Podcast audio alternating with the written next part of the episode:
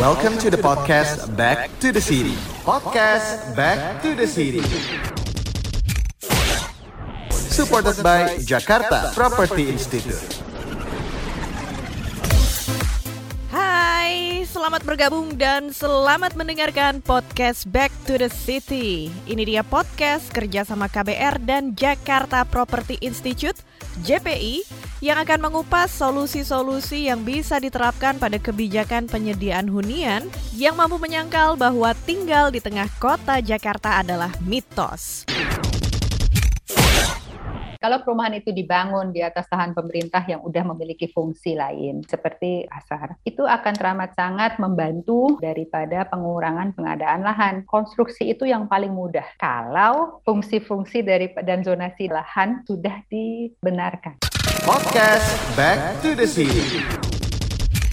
Kembali lagi ada Ines Nirmala yang senang banget bisa nemenin kamu di episode kali ini yang bakal ngebahas seputar penggunaan lahan pemerintah berkontribusi terhadap keterjangkauan lahan hunian.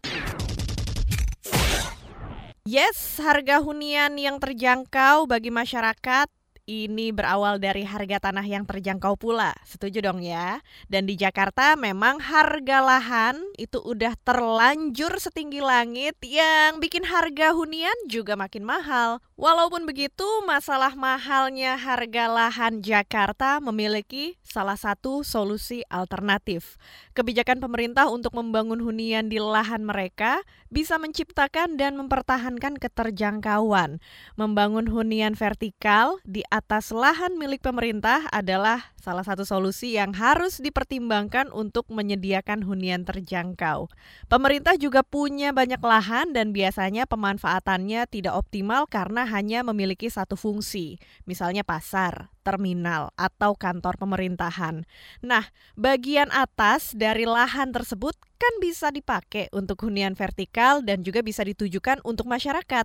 Bagaimana proses tersebut bisa terjadi dan apa keuntungan dari kebijakan ini?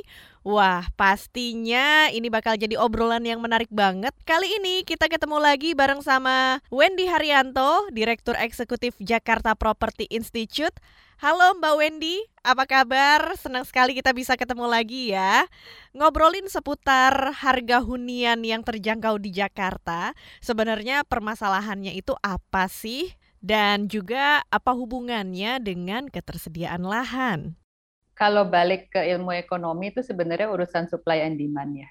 Jadi anything yang oversupply itu harga akan turun ya kan anything yang under supply itu harganya akan naik. Nah, kebetulan secara populasi memang kita itu berat di level middle ke bawah. Jadi memang kebutuhan itu di sebelah situ. Tapi karena langkanya lahan-lahan yang memang ditujukan untuk masyarakat menengah dan ke bawah, maka suplainya sedikit. Nah, kalau suplai sedikit, mau nggak mau itu harga pasarnya naik. Data dari Bank Indonesia menyatakan 8 tahun terakhir angka perumahan murah itu naik 60 sekian persen harganya ya. Jadi kalau waktu itu sudah tidak terjangkau, tidak bisa dibeli, sekarang makin tidak bisa dibeli. Makanya makin lama makin terdorong keluar Jakarta. Kita punya kesulitan pengadaan rumah menengah ke bawah itu dari dulu memang sulit karena harga tanah makin lama makin tinggi, tidak ada zonasi khusus yang untuk perumahan murah, pembangun-pembangunnya juga terbatas. Jadi aturan-aturan untuk itunya itu terbatas. Jadi pengembang itu biasanya begitu dia dapat tanah, kan dia lihat, saya kira-kira bisa bangun apa ya di sebelah sini, dia bisa profit berapa. Kalau misalnya itu tidak dizonasikan untuk rumah murah, yang biasanya disertakan dengan fleksibilitas-fleksibilitas ya. Kalau bangun rumah murah itu biasanya ada kondisi-kondisi yang lebih ringan. Dia nggak akan mau bangun di situ karena itu akan terlalu ketat aturannya. Jadi eh, dia punya margin pun akan menipis ataupun menjadi minus. Dia nggak akan mau bangun rumah murah, dia bangunnya yang lain. Makanya sekarang kalaupun mau bangun rumah murah, biasanya mereka minggir ke pinggir, ke Serpong, ke Parung. Balik-balik lagi seperti itu. It's, it's, it's a, bottom line-nya is a supply and demand issue gitu. Jadi kalau kita nggak bisa fulfill, ya naik terus harganya. Kalau mau bangun hunian terjangkau, sebetulnya di daerah uh, Jakarta Timur masih banyak lahan. Banyak, itu harga terjangkau ya. Saya ngomong harganya dulu, harga tanahnya. Kalau di barat, uh, selatan utara itu udah agak tinggi. Zonasinya harus diperbaiki. Ada satu lahan milik Pemprov besar sekali. Itu dulu waktu saya ingat sekali waktu pertama kali uh, kita dengan Pak Sandi Uno sebagai wakil gubernur, saya bawa itu proyek ke dia. Pak Sandi, Bapak tahu nggak punya lahan 500 hektar di Jakarta Timur. Walaupun itu eh, setengah-setengah sama pemerintah nasional ya. Ya, let's say 250 hektar. Ah, di mana? Ini. Tapi zonasinya benerin. You can build housing here gitu alamatnya masih Jakarta loh tapi ya itu it, it takes a lot of preparation dan perubahan-perubahan daripada uh, planning tahun planningnya untuk menjadikan itu possible untuk housing ini balik lagi ya ke dasar ilmu ekonomi seputar supply and demand. Tapi ternyata masih ada ya lahan yang tersedia di Jakarta cukup luas loh 500 hektar itu. Nah, kalau kita ngobrolin pembangunan hunian yang dilakukan di lahan milik pemerintah, berarti kayak pengurusan lahan, birokrasi pembebasan, dan segala macamnya harusnya lebih mudah kan? Tanah-tanah pemerintah kan tidak bisa dijual ya. Jadi, uh, sorry, saya let me rephrase that bukannya nggak boleh dijual, proses penjualannya itu sakit kepala, jadi nggak ada yang mau ngurusin. Mesti ada bidding proses, ada valuation lagi, ada ini, ada ada. Lama-lama akhirnya jadi nggak kepingin di tanah. Tapi diperbolehkan untuk dikerjasamakan. Nah, itu yang kadang-kadang eh, kita juga terus terang bolak-balik ke Pemprov maupun Pemnas menyatakan bahwa kalau kerjasama itu nggak bisa pendek. Kadang-kadang mereka berikannya itu biasanya 20 tahun, 25 tahun, itu nggak cukup waktunya itu harus panjang. Nah, kayak gini-ginian yang uh, kita berikan edukasi terus ya ke kepada eh, pihak-pihak terkait untuk coba sadar gitu. Bukannya bukannya si pengembang ini maunya untung terus bukan, tapi hmm. secara finansial tuh nggak satu plus satunya nggak dua gitu. Kalau nggak dua ya dia nggak mau, ya kan. Sementara ini sebenarnya adalah satu tools yang berguna. Satu untuk pengadaan eh, hal-hal komersil lain ya di, di samping dari hunian aja. Dan dua juga untuk peningkatan pendapatan pemprov atau pemnas. Dibanding tanahnya mangkrak nggak dia apain ya kan? Dan terakhir itu kan memang ada aturan bahwa uh, kementerian itu boleh beli tanah ya dari yang di omnibus itu saya belum lihat eksekusinya tapi ya udah ada aturan bahwa boleh jadi dia bisa clearing tanah beli tanah kementerian udah boleh jadi meaning dia bisa membebaskan lahan-lahan perkampungan atau apa langsung itu udah bisa. Aduh, memang pengurusannya itu makan waktu, makan tenaga dan sulit kayaknya ya Mbak ya. Tapi let's say nih, kalau lahan milik pemerintah itu sudah tersedia, kemudian untuk dana dan konstruksi hunian ini berasal dari mana Mbak? Kan uh, pembangun itu selalu memiliki kewajiban ya ada kewajibannya. Jadi uh, kalau dikumpulin sekarang itu uh, banyak kewajiban-kewajiban pengembang itu belum bisa dieksekusi. Salah satu kendalanya adalah itu salah satunya bilangnya karena lahannya terbatas, lahannya pemprov ya. Jadi kalau misalnya saya membangun gedung tinggi nih di kota Jakarta, saya akan kena kewajiban membangun rumah susun. Ya, itu ada hitungannya, berapa tinggi, ada berapa, jadi mesti bangun berapa rusun, itu itu ada hitungannya. Nah, formulanya itu ada. Nah, Kadang-kadang suka kendala nggak bisa-bisa bangunnya itu salah satunya adalah Pemprov menyatakan lahannya dia terbatas. Lucu ya, padahal lahannya banyak. Karena kenapa? Dia harus merubah fungsi-fungsi lahan-lahannya itu. Ini masalah cross dinas, cross BUMD dari mereka sendiri kerjasamanya seperti apa. Sebagai pengembang, dia tinggal eksekusi. Membangun itu yang gampang. Kalau dilihat dari A sampai Z, yang paling gampang itu adalah membangunnya, konstruksinya. Begitu dikasih tahu mesti bangun di mana, dibangun di situ, selesai, sudah beres, serah terima.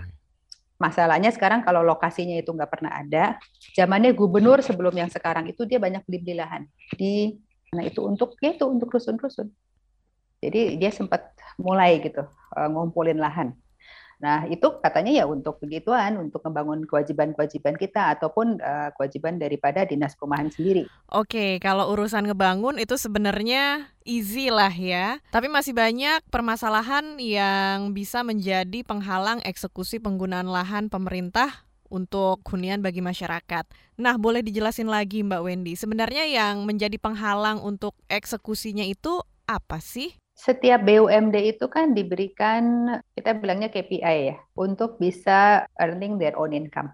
Jadi banyak sekali BUMD BUMD itu memiliki uh, bisnis-bisnis terkait perkotaan, tapi mereka harus earning their own income. Nah, satu lahan-lahan itu harus diubah peruntukannya. Jadi kalau misalnya sekarang fungsinya tunggal, let's say kita ngomong pasar jaya balik hanya untuk pasar, lalu di atasnya nanti misalnya dia mau pakai untuk uh, rumah tinggal, itu dia harus ganti peruntukannya. Itu ada waktu dan itu ada biaya.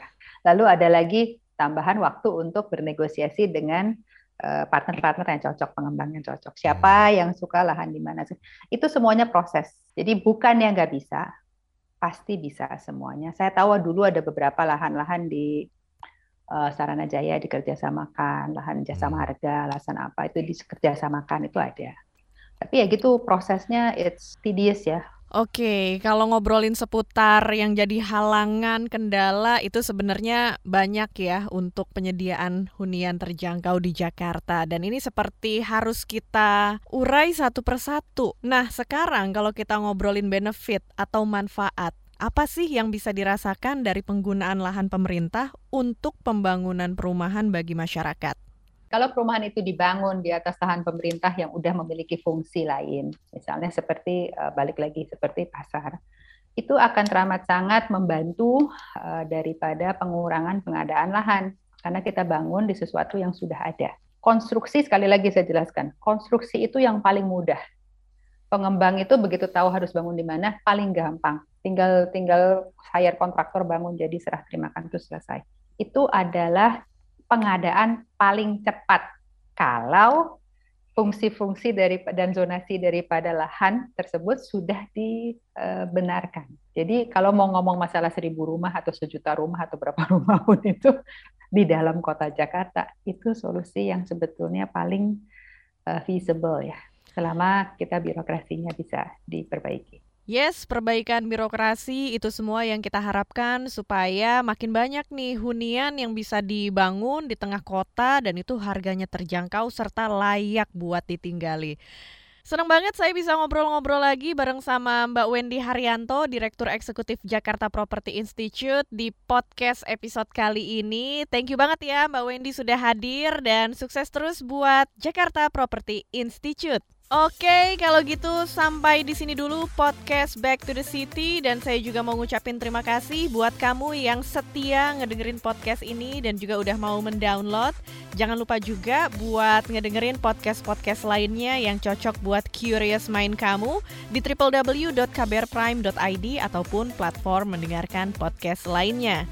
Ikuti juga kita di Instagram @kbr.id dan Ines Nirmala pamit dulu dari podcast Back to the City. Thank Thank you so much. Have a nice day and bye-bye. Kamu baru dengerin podcast Back to the City supported by Jakarta Property Institute. Podcast Back to the City.